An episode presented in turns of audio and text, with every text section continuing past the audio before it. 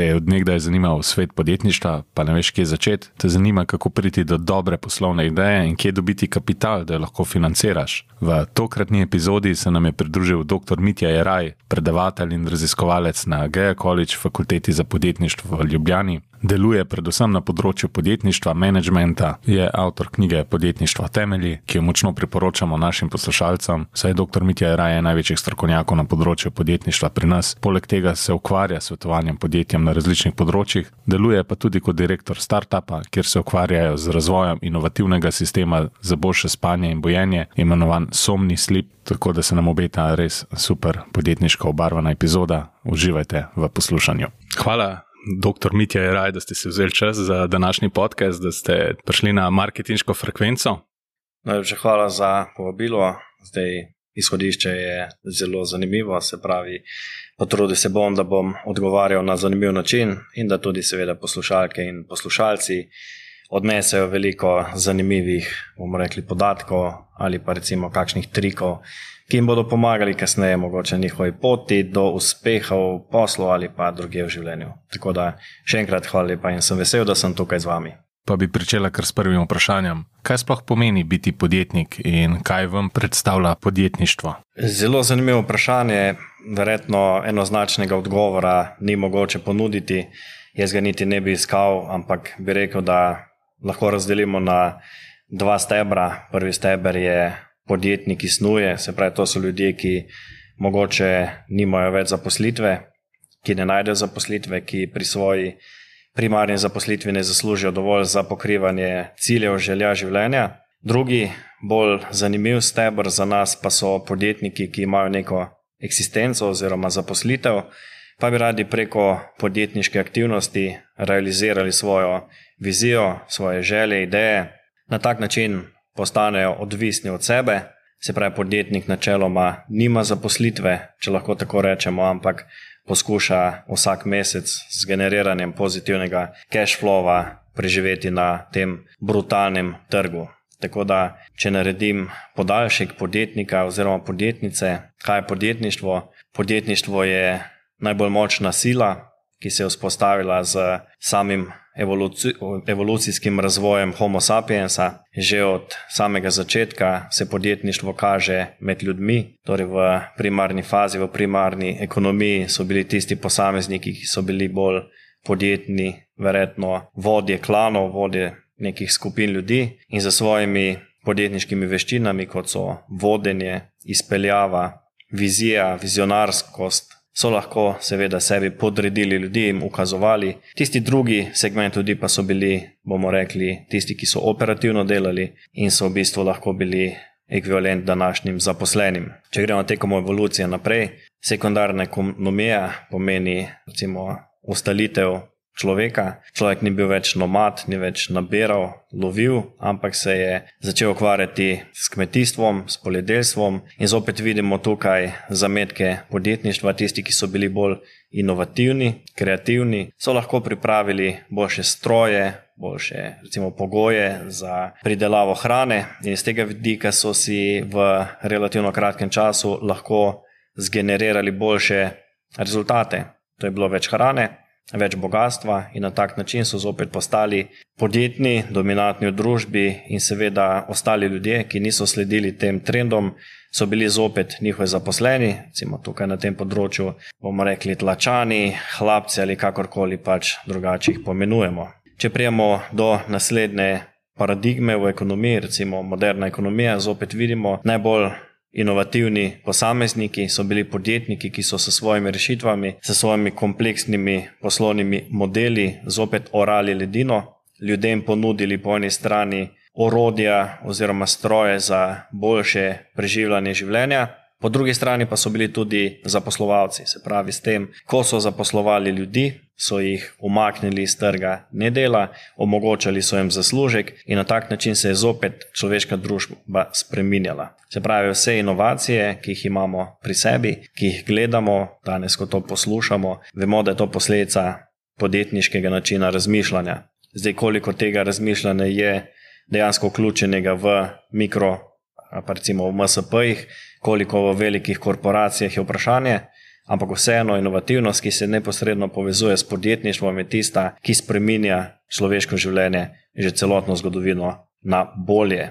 Tako da podjetništvo iz tega vidika je, bomo rekli, sinteza vseh inovativnih, kreativnih rešitev, ki omogočajo po eni strani zaslužek za podjetnike, po drugi strani pa reševanje problemov za uporabnike. Katere bi pa rekli, da so tiste osebne lastnosti, kvalitete, ki bi jih eh, potreboval posameznik, da je uspešen v poslu? Naprimer, so to kreativnost, inovativnost. Tako, potem rečemo ustrajnost, radovednost.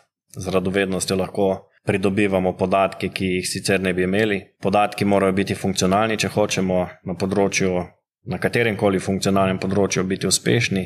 In tukaj, recimo, če govorimo o konkretno podjetništvu, tisti podatki, ki vam predstavljajo podatke o stanju na trgu, kupni moči vaših tržnih segmentov, razpoložljivi ponudbi iz strani konkurence.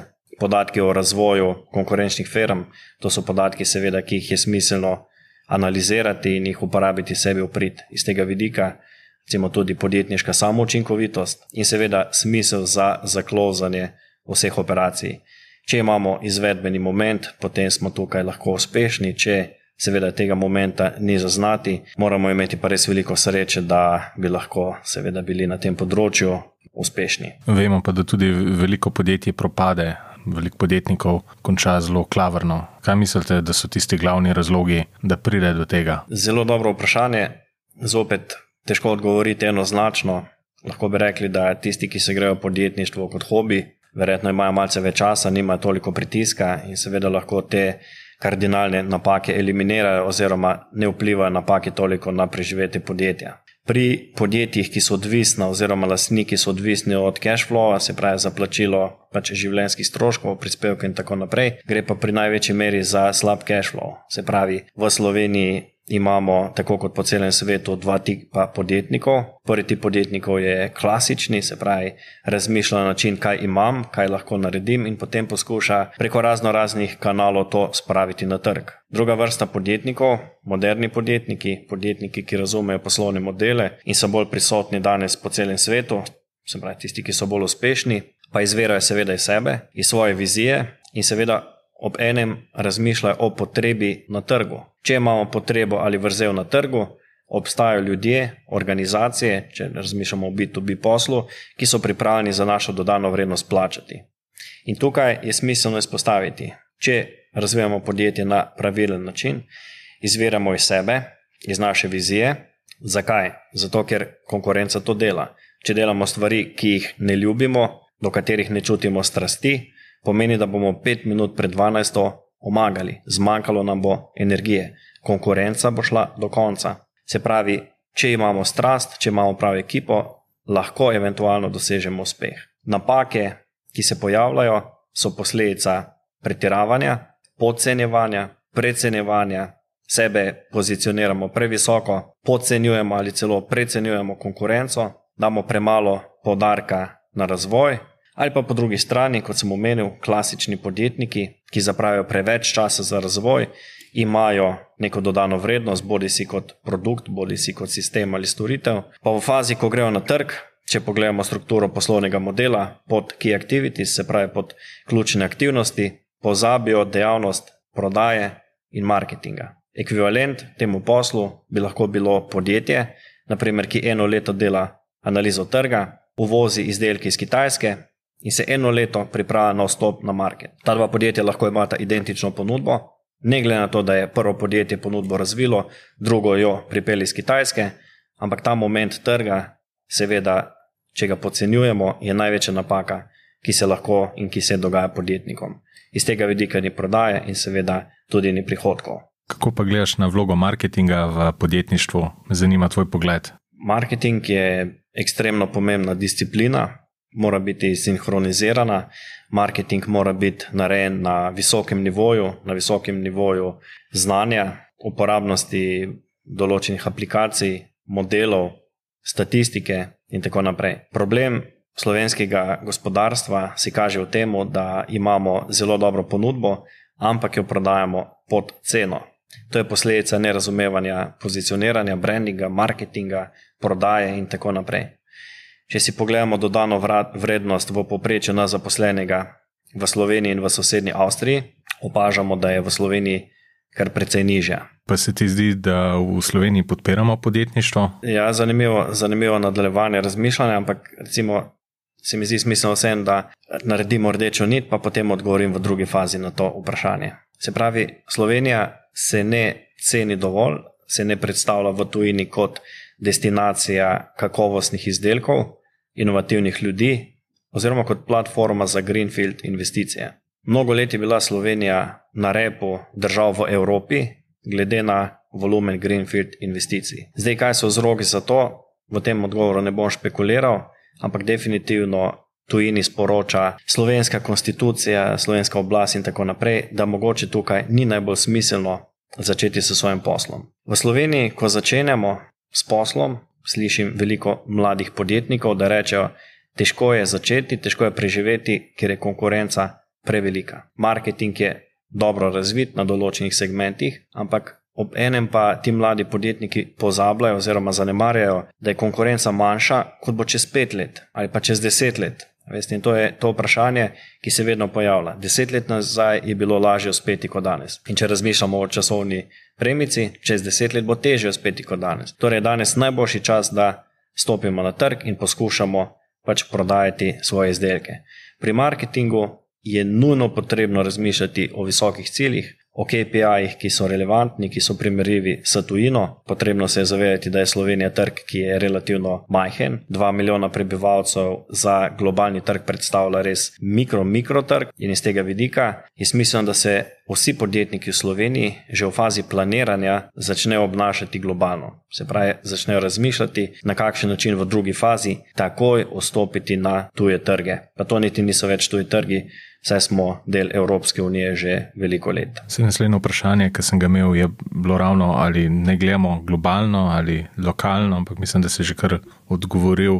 Tako se pravi, že od začetka nikoli ni dobro štartati na dvomilijonski trg, ker imamo ogromno tujih podjetij. To ni zaprt trg, če prihaja druga podjetja, mikro, makro, kakorkoli na slovenski trg, je smiselno pričakovati, da vsa slovenska podjetja takoj začnejo razmišljati o internacionalizaciji.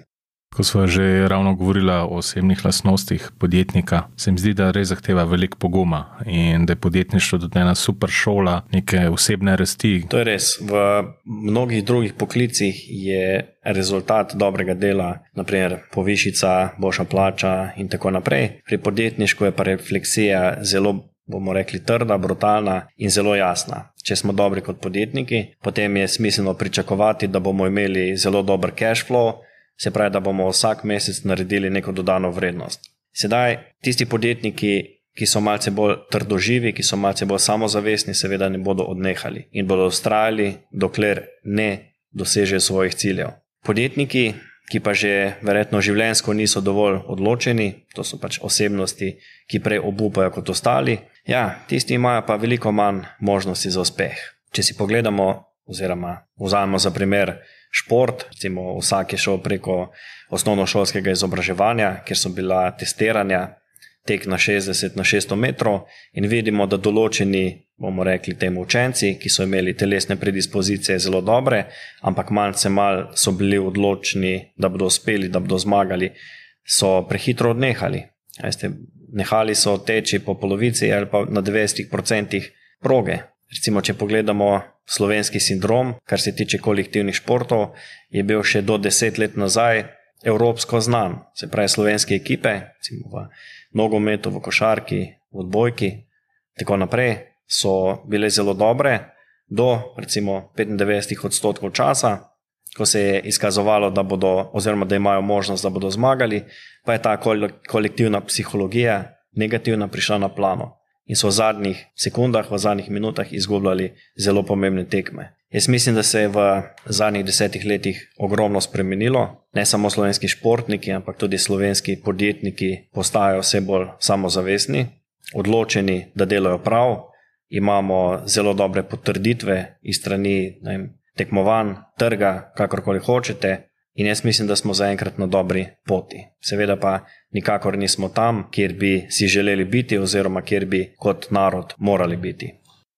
Jaz mislim, da v slovenski družbi še mogoče preveč nek stigmatiziramo nek neuspeh, ima neko negativno, da ti neki ni ratal in gledamo, kako roh, ta je neuspešen, le, na neki na štartu in potem propadu. Mi je pa zanimivo, ker se doskrat pogovarjam s kakšnimi ameriškimi poslovneži, pa opažam lih neko kontra razmišljanje, me pa sprašujejo, aha, ta posel imaš, kako a tam na tem projektu si delal, si pri kakšnem failu, a se ti je kdaj zgodilo, da ti kaj ni šlo, in je že skoraj čudno, da neki si imel, pa da je vse skozi lepo šlo, da nisi imel nobenega nekega večjega neuspeha. Zdi se, že ta kultura mi je bila tu zanimiva. Sem se z enim ameriškim poslovnežem pogovarjal, rekel, jaz sem si od mehkega hotel biti v bistvu bogat, biti uspešen. In, in sem bral, da statistiko neko podjetje propade, da po, poprečen milijonar je naredil tri firme, sem rekel, da bom jaz tudi naredil tri, pač ne bom odnehal do, do klarinje. To bila nekakšna njegova pot in se mi zdi neko kontra razmišljanje, kar ga doskrat tukaj v slovenskem prostoru slišim in doživim. Ko ti gledaš na to, se ti zdi, da preveč gledamo na to. Se strinjaš? Zelo strinjam z tem razmišljanjem. Oziroma, z tem zametkom slovenske opredelitve do podjetnikov. Razloge za takšno stanje lahko iščemo v kulturi. To je v bistvu kultura, ki je bila po drugi svetovni vojni.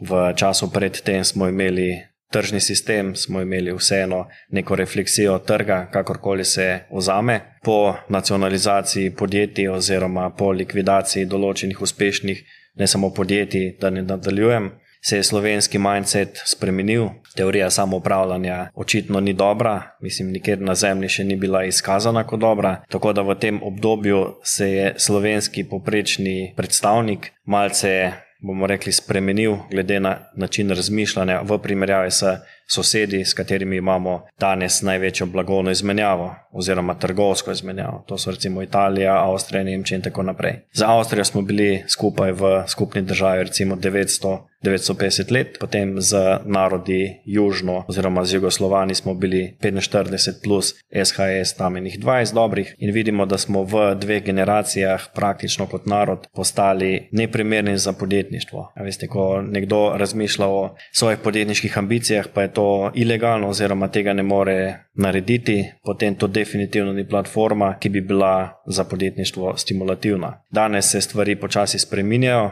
Ampak je še veliko za narediti. V Sloveniji prevečkrat slišimo podjetnike, ki propadajo z opaskami kot: Haha, saj sem ti rekel, oziroma kaj ti je bilo tega treba, bil bi tiho, sklonjen, pa po možnosti še bolan, pa bi bil spremljiv za nas. To je kretensko razmišljanje, Jaz upam, da se tako razmišljanje čim prej, bomo rekli, iztrebi iz naše družbe. Po drugi strani imamo zopet ljudi, ki podjetnike, ki so dobri, ki delajo na dolgi rok, imajo res veliko znanja, to znanje preko izdelkov, storitev kanalizirajo na trg, seveda iz tega vidika tudi zaslužijo, si privoščijo. Takšni ljudje pa ljudje zopet lahko, tisti, ki so pač kreteni, se upravičujem izrazom, ampak tako je, stigmatizirajo kot lopove, kot tisti, ki so na hitro obogateli, ampak samo še počakamo, kakšen dan, da bodo bankrotirali, da se bomo naslajali nad njihovimi težavami. Tako da slovenska družba, po moje, rabi še malce, bomo rekli, katarze, oziroma da si nalijemo čistega vina, da vidimo, da smo kot posamezniki lahko uspešni, ampak smo še lahko bolj uspešni, če je uspešna celotna družba. Tako tukaj neke razmišljanje recimo okoli tega zaostavljanja drugih, nekonkurenčnosti, nagajanja drugim, veste, recimo nefer nastopa na trgu, kot je recimo klicanje inšpekcij in tako naprej, recimo fake naročevanje, veste, in tako naprej. Jaz mislim, da bi mogli to eliminirati in se pač poizkusiti kot neko gospodarstvo, ki deluje na osnovi kvalitete, ki deluje na dolgoročnem nivoju, mogoče tudi celo na trajnostnem vidiku in na takšen način seveda se predstaviti v svetu in realizirati boljšo ceno. Če se navežem prej, sem omenil avstrijskega poprečnega zaposlenega, ki ima v poprečju dosti večjo dodano vrednost kot slovenski, pa ni bolj priden, ampak samo prodaja izdelke, ki so iste kakovosti po dosti višji ceni. Zaradi tega, ker so se znali Avstrijci v teh letih pozicionirati, Slovencem so vzeli sapo po določenih obdobjih, sedaj pa se počasi, nažalost tudi z mnogimi neprimernimi ukrepi, postavljamo nazaj na zemljevid podjetniške dinamike. Drugače pa res upam, da bomo v Sloveniji vedno bolj cenili podjetništvo in um, dohiteli najbolj razvite države. Jaz mislim, da je to prvi cilj, drugi cilj mora biti, da postanemo najbolj konkurenčni na svetu. Poleg tega lahko imamo še vedno socialno državo, ki pač zagotavlja osnovne pravice tiste, ki so uspešni, nagrajuje. In na takšen način bo celotna družba bolj poštena in seveda tudi bolj prijetna za bivanje. V Sloveniji vidimo še vedno prisoten beg možganov, se pravi, uspešni slovenci se izseljujejo zaradi tega, ker tukaj zaradi tega ali onega načina ne morejo svojih potencijalov uresničiti. Tako da jaz mislim, da je zadnji čas, da reformiramo ne samo naše razmišljanje, ampak tudi mogoče te državne strukture, ki v bistvu negativno vplivajo na marsikateri proces, mogoče že iz izobraževalnega sistema naprej do trga. Zdaj bi te prvo vprašal vprašanje. Verjamem, da bo mnogo poslušalcev zanimalo, kako vemo, ali imamo dobro poslovno idejo in kaj je razlika med idejo in priložnostjo. Zelo dobro je, da imamo vsak dan eno novo poslovno idejo. Pri poslovnih idejah je, po mojem prepričanju, pomembna kvantiteta, zaradi tega, ker če bomo imeli recimo 10.000 poslovnih idej, imamo možnost, da bomo prišli do ene poslovne priložnosti. Ideja je kot želja. Če imamo v življenju željo, recimo jaz si želim, da bi poletel na Mars, v enem dnevu bi prišel gor, se malce sprehodil in prišel nazaj. Moj cilj pa to definitivno ni. Ne. Se pravi, nisem pripravljen delati za to. Če bi bilo, je bilo super, ampak ne bo. Torej, cilj je tisti, za kar delamo. Pri poslovni ideji gre za nek priblisk, gre za osnutek, za koncept, za neko predstavo. Ko začnemo razmišljati o povezavi naših sredstev oziroma naših verov za možnostjo priprave nekega poslovnega modela. In seveda dodane vrednosti, potem pa tukaj prijemo do mnogih elementov, ki vplivajo na sam poslovni proces. Če imamo večino teh elementov pokritih, imamo odgovore na njih, imamo sredstva, da lahko te elemente tudi plačamo, najamemo ali kakorkoli drugače financiramo, potem pa že lahko govorimo o poslovni priložnosti. Potrebno je tudi izpostaviti, da poslovna priložnost ima trg oziroma popraševanje na trgu, kar pomeni, da s lansiranjem poslovne priložnosti lahko začnemo realizirati cash flow. Na trgu je ogromno poslovnih idej, ki so tudi izdelki, ki so storitve, ampak seveda realizacije pozitivne pa nimajo. Zaradi tega, ker niso naredili pač neke jasne preveritve, niso naredili pač logičnega sklepanja, ali ljudje to idejo potrebujejo ali ne. Tako da glavna razlika med poslovno idejo in poslovno priložnostjo je, da je ideja zgolj utrinek, zamisel, skica, medtem ko je poslovna priložnost že preverjena v razno raznih metodah in z njo opažamo, da dejansko lahko zaklozamo trg in generiramo prihodke. Kaj pa nas mora biti strah, da nam bo nekdo ukradel našo idejo? Doskrat to slišimo, da ne čuvamo, da ne, ne govorimo naprej. Strah je upravičen, ampak strah je takšen, kako da je okrogel, okolno koga pa ni. Iz tega vidika velika večina ljudi, ki pravi, da ima dobro poslovno idejo, ampak je ne bo zaupala, nima ideje. To je pač večkrat bilo znanstveno dokazano. Po drugi strani pa, če razumemo poslovno priložnost, če razumemo, na kakšen način pridemo od ideje do priložnosti, da moramo že pripraviti študijo izvedljivosti, saj okvirno, zato da vemo, kakšna je ekonomika, kakšna so potrebna sredstva, kakšni so operativni cikli, ali smo mi v stanju te stvari dosegati. Nadalje, da pripravimo poslovni model in če si predstavljamo, kaj vse sestavlja poslovni model in katere kategorije moramo imeti izpolnjene, da lahko to poslovno idejo naprej nadgrajujemo v poslovno priložnost in celo dodano vrednost. Potem pa vidimo, da recimo deset let našega dela, vsakodnevnega razmišljanja, iskanja odgovorov in tako naprej, nihče ne more ukrasti in privatizirati. Govorimo o novih idejah.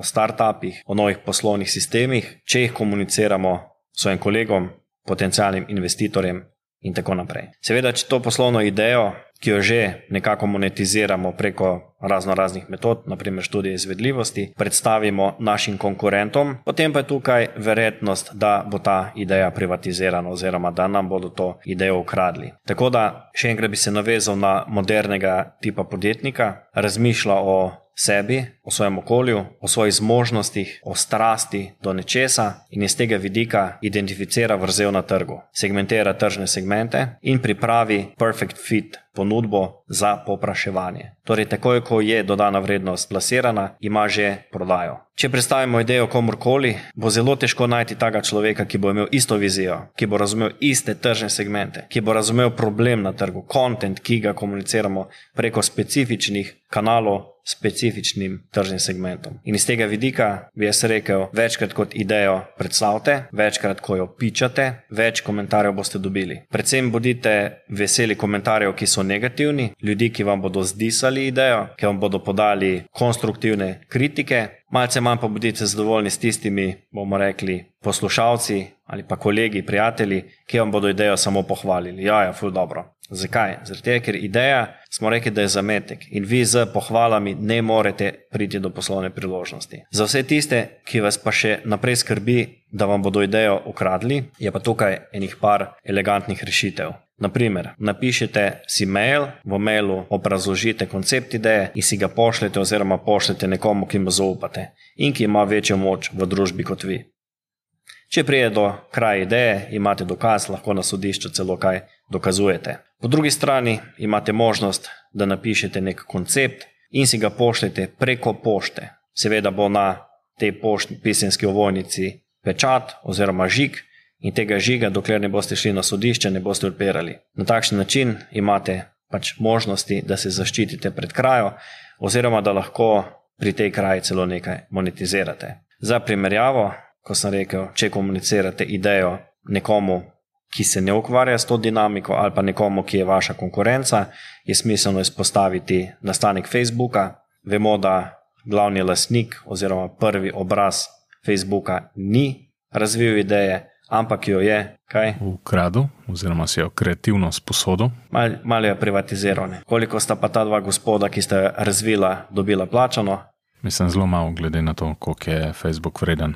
Bolj malo, tako v primerjavi z vrednostjo celotnega poslovnega modela, pa zelo malo. Tako da, definitivno bodite previdni, komu komunicirate, ampak jaz mislim, da zadržkov tukaj ne smete imeti, saj se boste v vsakem primeru zelo veliko naučili.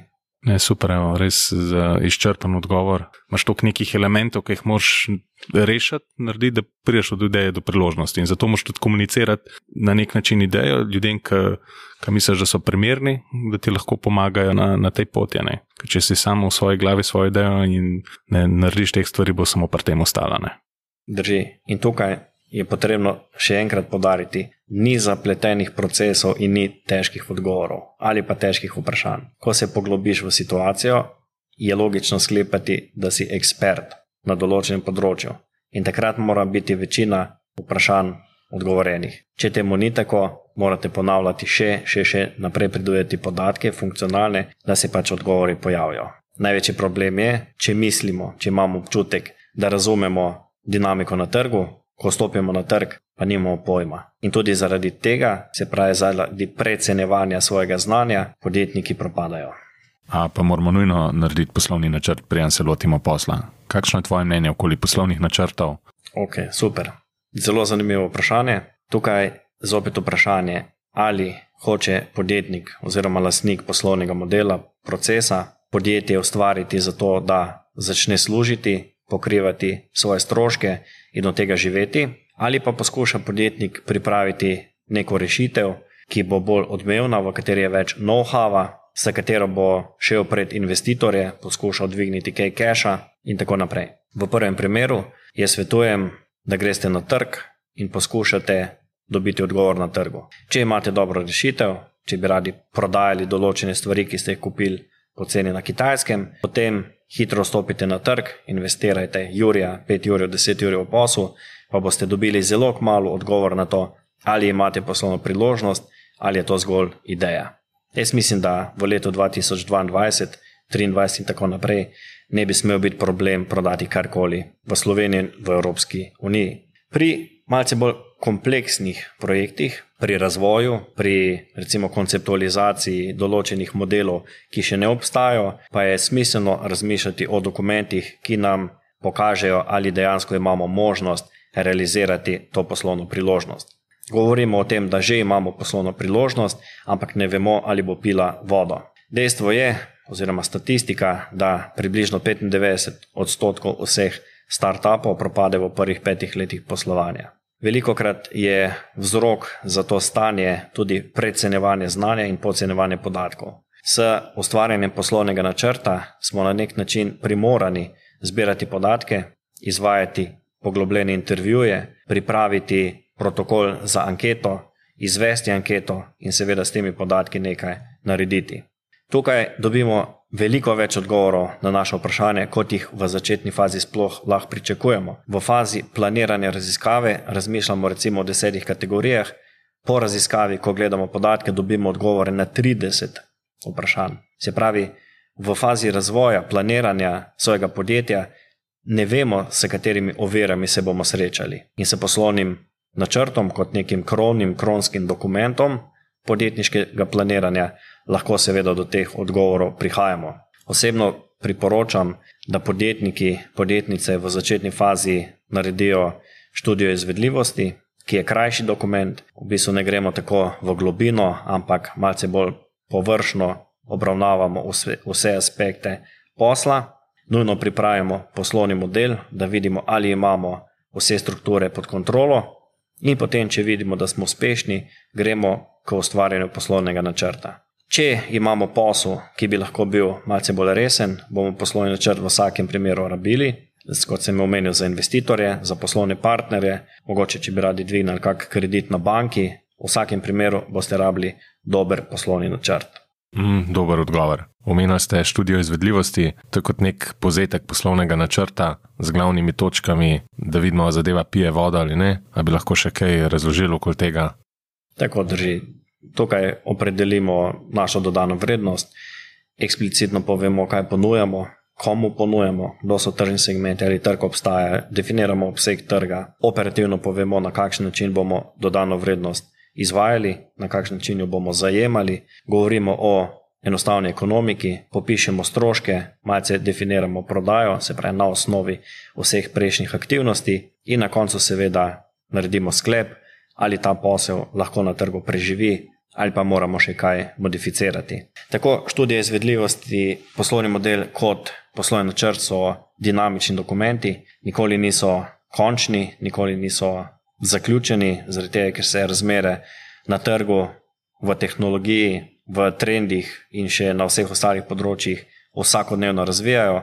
Moramo tudi kot podjetniki, ki seveda razumemo fazo planiranja in smo jo tudi v stanju realizirati, vse te inovacije, novitete implementirati tekom našega dokumenta. Prej je bilo vprašanje v navezavi tudi s poslovnim modelom. Poslovni model je zelo eleganten, še vedno je en izmed kor bomo rekli, matrik za predstavitev svojega posla, zaradi tega, ker zaradi svoje enostavne logike v zelo kratkem času prijete do odgovora, kje ste in kaj morate storiti, če bi radi seveda še nadaljevali s poslom. Predvsem je pri poslovnih modelih zanimivo to, da marsikateri podjetniki, potencijalni podjetniki, bodoči podjetniki ne razumejo ključnih aktivnosti. Recimo govorimo o naprimer, poslovnem modelu Facebooka, ko vprašam ljudi, kaj je ključna aktivnost pri Facebooku, mogoče veš. No, to bi pa mogel vedeti, uh, a je oglaševanje. Daleč od dejanskega stanja, ne bo to za vas, poslušalke in poslušalce, eno tako vprašanje, katerega boste odgovorili po tem poslušanju. To je nujno potrebno razumeti, če hočemo karkoli razmišljati o svojem poslu. Če si predstavljamo, veliko krat slišimo ljudi, recimo, ki primerjajo naprimer, slovenska, slovenski poslovni model Mure s poslovnim modelom Armačo Ortege. To je lasnik, ustanovitelj Zare, tudi drugi najbogatejši evropejec. Zakaj Zara lahko dosega takšne nerealne dobičke, medtem ko Mure je bila konstantno v rdečih številkah? Odgovor je zelo enostaven. Če pogledamo poslovni model, ključne aktivnosti, vidimo, da se Zara ukvarja kot prvo z brandingom, z marketingom, s prodajo, medtem ko Murina, ključna aktivnost, je bila manipulacija z materialom, torej komunikacija z dobavitelji, organizacija procesa, šivanje, proizvodnja. A veste, in govorimo o treh, štirih ključnih aktivnostih, pa še nikakor nismo blizu trga. In ko imamo izdelek, nimamo pojma, komu ga bomo prodali, na kakšen način, s katerim kontentom in tako naprej. Cilj poslovnega modela je, da vsak element optimiziramo, sfriziramo do konca in seveda zato poskušamo zajeti maksimalno dodano vrednost, katero je trg seveda pripravljen plačati. Cilj poslovanja oziroma podjetništva, po mojem prepričanju, je, da na koncu dne ali pa na koncu leta win-win situacija za vse. Podjetniki so zadovoljni zaradi tega, ker so realizirali dobre rezultate, kupci, stranke, klienti so zadovoljni, ker so dobili dobro dodano vrednost, družba je zadovoljna zaradi tega, ker se razvija, država je zadovoljna zaradi tega, ker ima davke in lahko seveda potem s proračunom naprej usmerja naslednji cikel. Jaz mislim, da z uspešnimi podjetniki na koncu bo standard za vse prebivalce dosti boljši. Navezal bi se še na MVP, Minimal Viable Product. Da vemo, da je ravno prav ready, da ni preveč površen in da hkrati nismo preveč perfekcionistični. Zopet primerjava klasičnega podjetnika z dinamičnim podjetnikom. Klasični podjetnik bo na osnovi svojih predvidevanj, intuicije, prepričanosti, superiornosti, vem, samozadostnosti pilil produkt do konca in ob tem, nažalost, ga bo povozil čas. Pri dinamičnih podjetnikih gre za to, da ko imajo oprijemljivo rešitev, jo takoj dajo na trg in takoj začnejo z generiranjem prihodkov in cash flow. Trg je najboljši refleksija, ki si jo lahko predstavljate. Zakaj? Zato, ker early adapters oziroma inovatorji v prvi fazi so pripravljeni na to, da ko bodo kupili prvi nazemni določen produkt, da bo imel določene pomankljivosti. In kot zelo inovativni ljudje so pripravljeni višjo ceno kompenzirati in tudi nedelujoče dodane vrednosti kompenzirati s tem, da so prvi, ki to imajo. Preko feedbackov, preko komunikacije s poslovnim modelom oziroma s podjetjem, bo imelo podjetje možnost, da ta produkt prilagodi glede na mnenja širše množice. Basically je to pilotska verzija, ki jo v Ameriki razumejo posebno drugače kot po Sloveniji. V Sloveniji, ko damo produkt na trg, mora delovati 100-odstotno, brez kakršne koli pomankljivosti. Recimo v ZDA govorijo, ko imate delujočo stvar, tudi če dizajnersko ni kul, cool, tudi če niso vse recimo tipke, elementi v CGP-ju dajte na trg, na ta način boste že veliko zaslužili in ta zaslužek boste lahko investirali naprej v izboljšave, se pravi v beta verzijo ali kakorkoli jo lahko imenujemo. Tako da jaz bi vsem poslušalkam in poslušalcem tukaj svetoval, ko imate neko delujočo rešitev, takoj začnite to prodajati. Imejte fair play s kupci, ne obljubljajte tistega, česar niste sposobni deliverati, se pravi, dati ali pa ponuditi, ampak seveda z jasnim, poštenim komuniciranjem, verjemite, da ljudje, tudi če ne bo stvar delovala 100-odstotno, ne bodo zamerili, ampak bodo postali vaši fani na dolgi rok. In tukaj že imamo zopet zametek novih pristopov k podjetništvu. To pa pomeni, da dodano vrednost razvijamo v skladu s potrebami komunitija. Community je tisti, ki nam generira ideje oziroma govori, kaj moramo mi narediti, da bo dosegel produkt ali pa storitev perfect fit. Mm, super. Zdaj hočemo biti preveč perfekcionistični, mogoče, ker nas je strah neuspeha in potem preveč kompliciramo nikoli ne prijemo na trg. Oziroma, ker prijemo na trg nas konkurence že povoz, ker se svet tako hitro zdaj spremenja. Zdaj pa vprašanje, ki verjamem, da vse zanima kako sfinanciramo našo idejo, kako prijemo do kapitala in kako navdušimo investitorje. Okay, zelo parcialno smo, smo že nekaj govorili, ampak bom začel z razvojem oziroma z nekim definiranjem podjetniškega uspeha. Ki ga pač tekom podjetniške aktivnosti dosegamo. Pred časom sem razvil model razvoja startup podjetij. Ta model se nanaša na faze podjetja, in na investitorje. Se pravi, v prvi fazi imamo startupovci idejo, idejo smo že povedali, kaj je, kako jo lahko prodamo, monetiziramo in tako naprej. In ponavadi v fazi ideje pomaga 4F model. To so seveda ustanovitelji. Družina, prijatelji in norci. Zdaj je vprašanje, ali lahko dobimo na trgu norca, ki nam je pripravljen investirati, recimo, 10.000 evrov v našo idejo. Kaj meniš? Mm, jaz mislim, da je težka. Težka? Jaz se ne strinjam. Ali si slišal, kdaj je za OneCoin? A, ja, zdaj si me dolgo. Kdo so, kdo so investitorji OneCoin, pa koliko so investirali?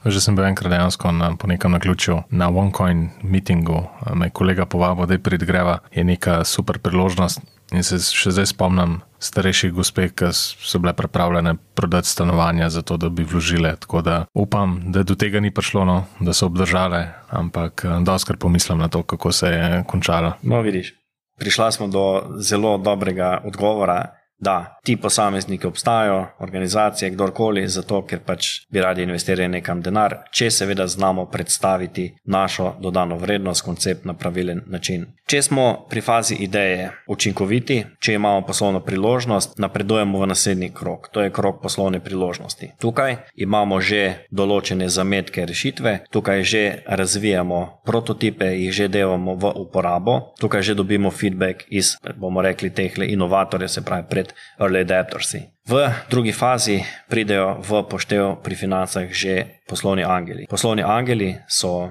neformalne oblike združb kapitala, to so lahko posamezniki, ki investirajo v lokalnem okolju, ali pa so to skupine ljudi, ki investirajo pač v nekih širših geografskih kontekstih. Poslovni angeli zasledujejo zelo perspektivna podjetja, zasledujejo možnost generiranja cash flowa, možnost druge, tretje generacije izdelka, zaradi tega, seveda, ker jim je v interesu, da svojo investicijo na najboljši možen način, bomo rekli, sfrizirajo. Pri poslovnih angelih se gre za zelo jasno enačbo. Velika večina investicij ni uspešnih, tiste investicije, ki so pa uspešne, morajo pokrivati vse ostale, plus prinašati dobiček. Če smo uspešni v fazi poslovne priložnosti, zapakiramo vse to znanje v poslovni model, se pravi, s poslovnim modelom imamo že zelo detaljno narejeno raziskavo trga, imamo pohendlane tržne segmente, razumemo, kaj ljudje potrebujejo, koliko so pripravljeni plačati in tako naprej. In iz tega vidika, v sredini faze poslovnega modela, gremo na trg. Vstop na trg nam pomagajo izvesti tvegani kapitalisti, venture capital, in tveganih kapitalistov je v Sloveniji tudi kar veliko, sicer pa obstajajo tudi druge po svetu, v Evropski uniji in tako naprej. Če smo uspešni v tretji fazi, pridemo v naslednjo fazo, ta faza se imenuje faza trga. Če nam trg da dober feedback, potem imamo tudi pozitiven cash flow, imamo dobiček, ki ga seveda investiramo naprej. Tukaj se že začne malce konsolidacija lasništva, ki se pa nadaljuje v peti fazi, ko verjetno prvi financerji, mogoče iz 4F modela, mogoče poslovni angeli izstopijo, ker jim ni v interesu, da so dolgoročno priključeni v zgodbo, ampak jim je core business, če si pogledamo njihov poslovni model, da investirajo v perspektivne družbe in potem naredijo exit. Tukaj naslednja faza je verjetno lahko IPO, na takšen način se pravi, gre podjetje public, gre v, na borzo in na takšen način seveda so vsi investitorji poplačani in vsi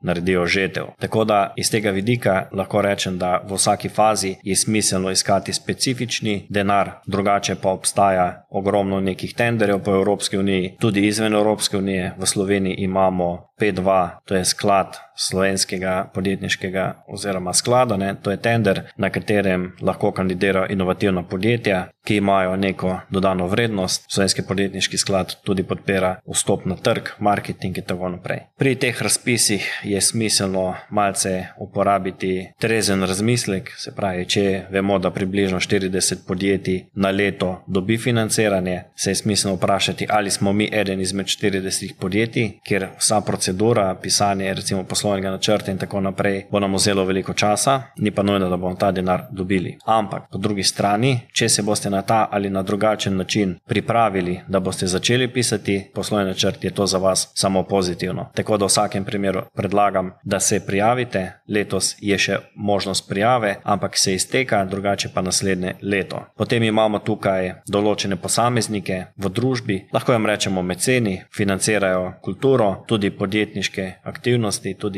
cimo športnike, ki so pripravljeni za praktično zelo dobre poslovne priložnosti financirati nekaj denarja. Iz tega vidika se navezujem na elevator pitch, to je tehnika kratke, hitre, ustrezne prezentacije tipičnemu oziroma specifičnemu naslovniku. Če si predstavljate, greste v zgradbo, ki ima 10-15 nastropi, vidite not osebo, katera ima objesli nek kapital, ali je to socialni, ali je to cash, ali je to vem, karkoli drugega. Imate recimo 20 sekund časa, da nekaj zaklozate. Če ste, kot smo v uvodu rekli, samozavestni, radovedni, inovativni, brezkompromisni, kar se tiče realizacije vaših želja, potem boste naredili icebreaker in temu posamezniku spičali vašo željo, dodano vrednost, vaš projekt. V veliki večini primerov, kolikor imam sam izkušnje, sem vedno dobil sestanek, kjer sem prodajati poskušal praktično vse, kar sem imel. Če ne prodate svoje primarne ideje, lahko kaj svetujete, lahko vem, karkoli dosežete, ampak morate narediti icebreaker. Iz tega vidika, kot podjetje oziroma za podjetje ni realno oziroma ni smiselno, da se fokusira s svojo ponudbo na ne prave tržne segmente, se pravi, prodajamo visoko dodano vrednost skupinam, ki imajo nizke prihodke, to je no-go, to ne gre enostavno. Tako je smiselno, da tudi naše ideje, naše želje, naše poslovne ambicije pičamo ljudem, ki imajo kakršno koli možnost, da nam pomagajo. Če želimo od njih feedback, vprašajmo ljudi, ki to razumejo, ki bodo to potrebovali, da nam povedo, kaj so prednosti, kaj so slabosti. Če želimo cash od njih, pičemo to ljudem, ki imajo možnost, da nas zlinkajo, da nam oni investirajo, nikakor pa ni smiselno pičati ljudem, ki nimajo nobene izmed teh kompetenc, ker je to za nas, kot podjetnike, mučno. V vsakem primeru, treba se pripraviti, se pravi, za pripravo lahko pičate vsakemu, ki ga pač srečate, zakaj ne. Ampak, ko ste enkrat dobri v tehniki pičanja, določene poslovne priložnosti, potem pa it easy in izkoristite vso svojo pozitivno energijo za trenutke, ki so resni. A, bi lahko ta zgaj izpostavljena, kaj so pozorni investitorji?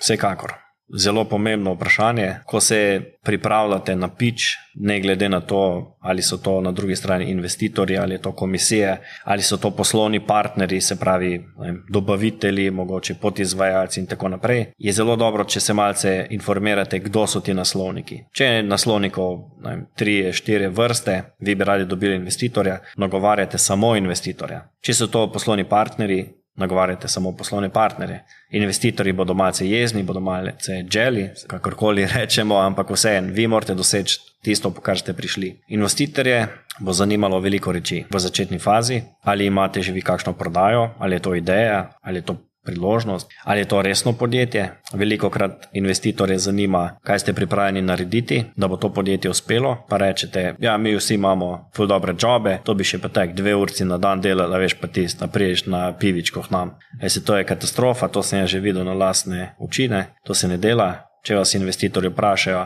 kaj ste pripravljeni narediti, rečete, takoj postim job, takoj se zaposlim full-time job v moji firmi, tok pa tok smo že investirali in iz tega vidika se vračam korak nazaj. Prvi korak je, da pripravimo zelo dober pitch deck, ki te finančne podatke že vsebuje, ni jih potrebno eksplicitno govoriti v fazi financ, ampak jih poveste glede trackinga, se pravi, koliko keša ste že investirali v vašo firmo, monetizirate seveda vse te ure. Druga stvar, ki vas, oziroma naslednja stvar, ki vas lahko investitorji vprašajo, ali ste prepričani, da ste pravilno segmentirali tržne segmente, na kakšen način, koliko ste naredili primarnih raziskav, kakšne oblike, kakšno metodologijo ste izbrali, ali poznate dohodkovni razred vašega primarnega tržnega segmenta? In ali se vam zdi, da so pripravljeni plačevati 20% več za isto rešitev, kot jo ponujajo vaši prvi konkurenti. In če se pripravite dobro na pitch, se pravi, imate dober pitch deck, imate v zadnji raziskavo, tudi poslovni načrt, jaz mislim, da ne bi bilo problema vse odgovoriti na ravni, da vam seveda investitorji zaupajo še naprej. Marsikdaj se zgodi, da investitorji postavljajo tudi kakšna tricky questions, vprašanja, s katerimi vas zmedejo, ampak to ni zato, ker so oni zlobni ljudje, zaradi tega, ker bi pač radi vas spravljali v nelagoden položaj, ampak zaradi tega, ker če bodo investirali v vas, bodo imeli z vami veliko sestankov, veliko komunikacije, veliko interakcij, tudi konfliktnih situacij in iz tega vidika investitorji radi vidijo, na kakšen način se vi odzovete, delujete pod pritiski. Malce pomislite, če bi vi imeli, recimo, zdaj le v žepu 50 tisoč evrov, komu bi jih dal? Temu, ki je skosmeren, ali temu, ki takoj, bi bomo rekli, znori, začne žaliti, upiti, zapusti, naprimer, prizorišče. Veste, to so vse tehnike, ki vas jih lahko investitorji vprašajo oziroma s katerimi bodo odgovorili na svoje vprašanje. In ultimativno vprašanje investitorja je, ali je to eden izmed desetih projektov, ki mi bo prinesel čez recimo dve ali pa pet let dobiček. Je kombinacija obojga, moraš si biti res osebnostno všeč, da je kemija. Hkrati morajo pa številke štimati. Absolutno, brez, brez kemije ne bo šlo tukaj. To je, to je dejstvo in jaz mislim, da bi se mogli to bolj zavedati. Recimo, če si pogledate, jaz mislim, da je bilo dobro, da bi si pogledali par dobrih pičev, recimo Steve Jobs, ko je pičal recimo kakšne izdelke, nove izdelke od Apple. Vidite, da hodi relativno zmeden, recimo po odru, uporablja neke šumnike oziroma motilnike, um, mašila. Mm, you know, uh, I think that, um, um, um, yeah, this is a, a really great, uh, in tako naprej.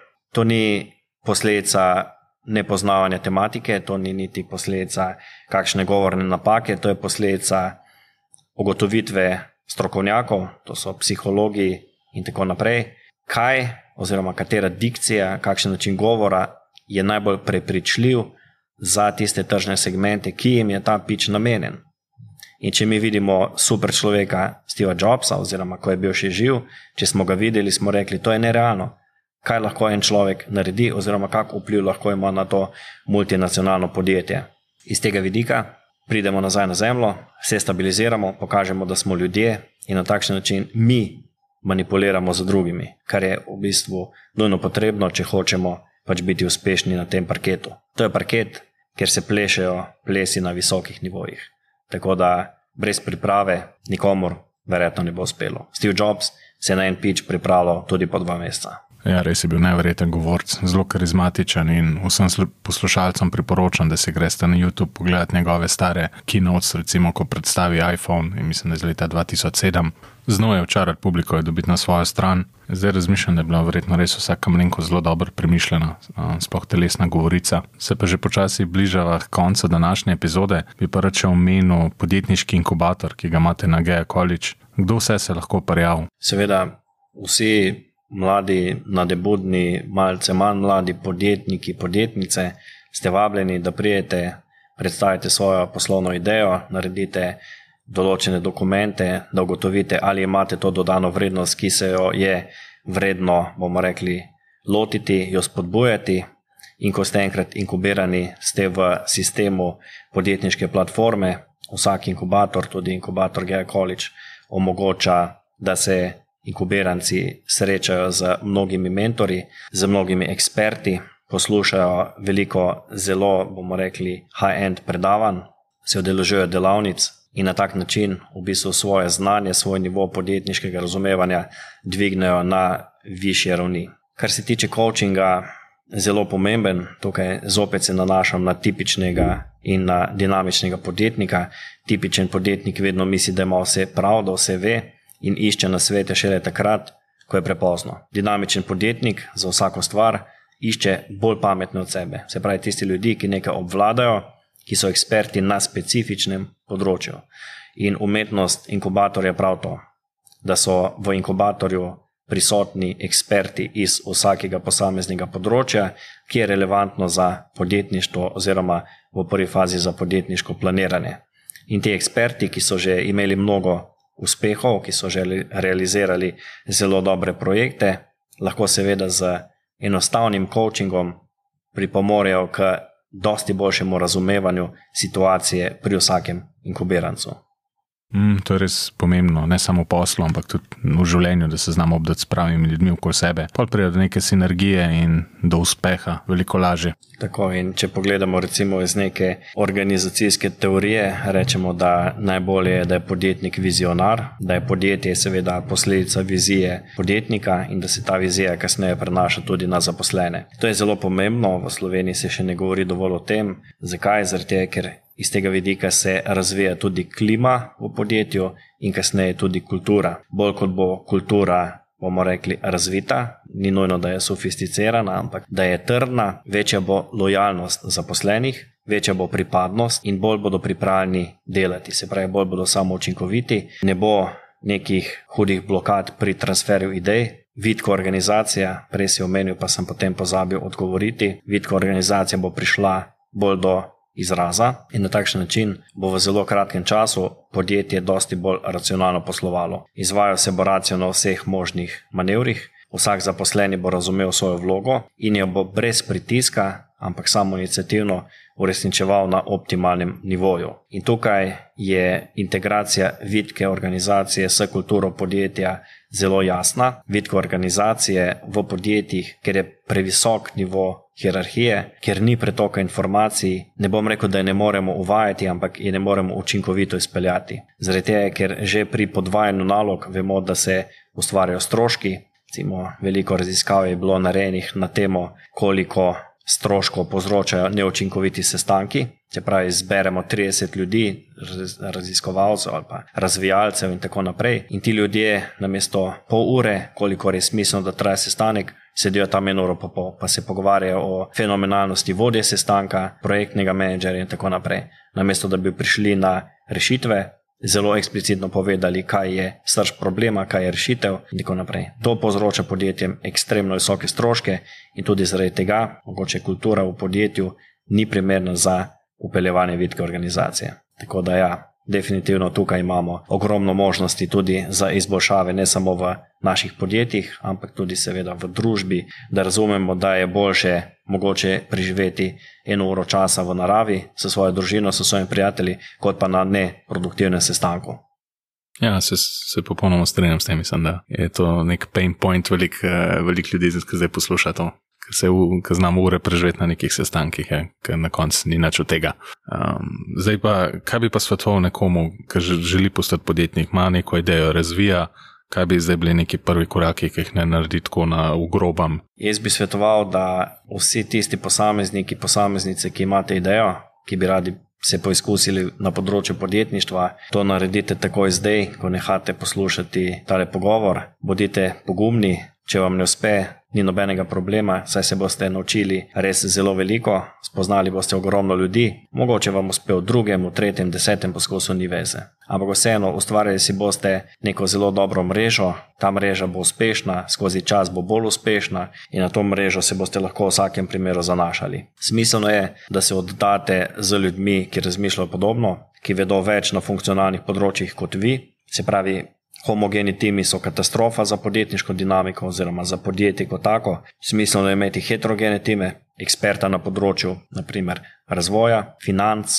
poslovnih znanj, to vključuje seveda v prvi fazi tudi marketing in prodajo in takšen način lahko zelo kmalo postanete konkurenčni pri postavljanju organizacije. Povezovanje z drugimi, absolutno smiselno je, da po nekem principu Master and Apprentice če ste brez izkušenj v tem poskušate pridobiti nekoga, ki je že dal kakšen tak projekt čez, ne glede na to, ali je propadel, ali je zaslužil, ali je recimo še vedno v tem projektu, da se lahko na tak način čim več naučite. Ko pride do problemov, jih poskušajte čim prej sanirati, verjemite, do problemov bo zelo kmalo prišlo, vedno pazite, da date denar od sebe takrat, ko je nujno potrebno, ne zapravljajte po nepotrebnem denarja, zaradi tega, ker enostavno ga ni dovolj, oziroma ga na koncu prehitro zgubite. Če si izposujete denar, najprej zelo dobro razmislite, ali ta denar sploh potrebujete, ker boste mogli ta denar seveda vrniti. Predvsem pa planirajte dolgoročno, planirajte na osnovi večjih scenarijev. Naj bo prvi scenarij pesimističen, drugi realističen, tretji, bomo rekli, optimističen, in seveda predvidite, situacijo, kaj bi se zgodilo, če se vsi trije scenariji dogodijo oziroma pojavijo. Umetnost uspešnih podjetnikov je, da imajo visoko stopno intuicije. V tej fazi bi rekel, da intuicija je preslikava vsega znanja, vseh podatkov, informacij, ki smo jih tekom našega življenja, privatnega, poslovnega, pridobili, s katerimi smo se srečali. In iz tega vidika svetujem vsem tudi, da veliko berejo, oziroma da se poglabljate v relevantne tekste, preberete kakšno knjigo o razvoju podjetništva, o recimo casih. Zanimivo je brati seveda tudi case iz pred stotih let, ampak ne se preveč zanašati, da boste na ta način danes uspeli. Predvsem pa bodite proaktivni, iščite več znanj kot ostali, in poskušajte biti vedno drugačni. To pa pomeni, da ko stopite na trg, da izstopate. Če boste poprečni, če boste neizraziti, boste imeli zelo veliko dela, oziroma dosti preveč dela, s tem, da boste sploh začeli s prodajo. Jaz mislim, da so v Sloveniji trenutno zelo dobre razmere za življenje. Če pogledamo relativno, glede na našo zgodovino, glede na okolico, imamo čudovite možnosti razvoja, tako da iz tega vidika ne moremo iskati prav veliko izgovorov. Tako da tisti, ki ste samozavestni dovolj, tisti, ki še niste sedeti na hajpat, motivirati, ja, stop na trg naj bo posledica vašega dela, naj bo posledica odličnosti in sem prepričan, da bo tudi cash flow zelo hitro zgeneriran oziroma da boste hitro začeli kucati dobičke. Če ste v dvomih, jaz predlagam, da se še malce poglobite, malce še naštudirate, izboljšate vašo rešitev, naredite poslovni načrt prej in na koncu dobite odgovor na to, ali je to to, kar vas privlači ali pa ne. Ne pozabite, za podjetništvo ni nikoli prepozno, tako da v vseh obdobjih življenja lahko stopite na trg podjetništva, postanete podjetnice, podjetniki. Tako da jaz sem prepričan, da tisti, ki to poslušate, ki ste prišli do konca, že imate tisto, kar potrebujete, da boste na koncu super uspešni na podjetniškem trgu.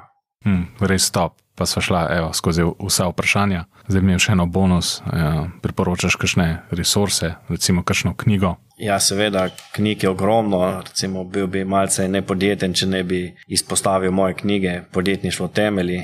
letnik 2020, obravnava razvoj podjetniške konstitucije. Gospodarstva na malce drugačen način. Bral sem predhodnike v Sloveniji, ki so govorili, da smo Slovenci vedno bili bolj kot ne hlapci, nikoli podjetniki. Jaz se s tem ne strinjam in iz tega vidika sem tudi zelo jasno napisal, da Slovenci smo vedno bili narod podjetnikov in mislim, da nam to mesto tudi v prihodnosti pripada. Drugače imate ogromno knjig na spletu, določene so odprte narave, se pravi, da jih ni potrebno kupovati. Določene knjige se splača kupiti tudi zaradi tega, da imate malce svoje knjižnice, zaradi feelinga, zaradi imidža. Vse veste, da preživimo recimo 3, 4, 5, 6 ur na Instagramu, na Facebooku, na TikToku in tako naprej, pa doma nimamo nobene knjige oziroma nobene knjige ne prebram, pre, preberemo, je precej lejma. Se pravi, na tak način pričakovati, da bomo uspešni v primerjavi z drugimi, ki berejo res dobre knjige, ki so usmerjene, ki imajo ogromno podjetniških nasvetov, znanja. Potem vidimo tukaj, da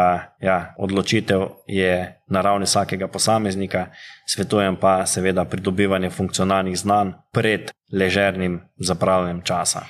To je mreže, kot so ne, YouTube, recimo, lahko uporabljamo za beg pred realnostjo, entertainment, ali imamo pa noro nekih super izobraževanj, ki lahko pogledamo vsem tem. Tako, tako. Vse je stvar percepcije oziroma odločitve posameznika. No, zdaj smo pa prišli do konca današnje epizode. Lahko rečemo, da je bila marketinška frekvenca tokrat podjetniška frekvenca, ampak marketing in podjetništvo gre sta z roko v roki. So odgovorila res veliko vprašanj, ki smo jih dobili od naših poslušalcev. Do knjige bomo dali povezavo v show notes. Na tej točki bi še omenil, da se ukvarjaš z business coachingom oziroma podjetniškim svetovanjem in res toplo priporočamo našim poslušalcem, ker si pomaga že res mnogim podjetnikom, da so naredili svojo podjetniško zgodbo uspešno. Tako da, če imate kakšno idejo, pozor, ki bi ga radi spravili na višji nivo, lahko kontaktirate dr. Mitja Eraja na e-mail naslov info.afna.mitjaeraj.com. Tako da se ti zahvaljujem, da si si vzel čas in bil gost na našem podkastu in se poslušamo prihodnič. Hvala lepa za povabilo, hvala lepa tudi poslušalkam in poslušalcem za spremljanje. Vsem želim en čudovit preostanek dneva in veliko sreče v osebnem in poslovnem življenju.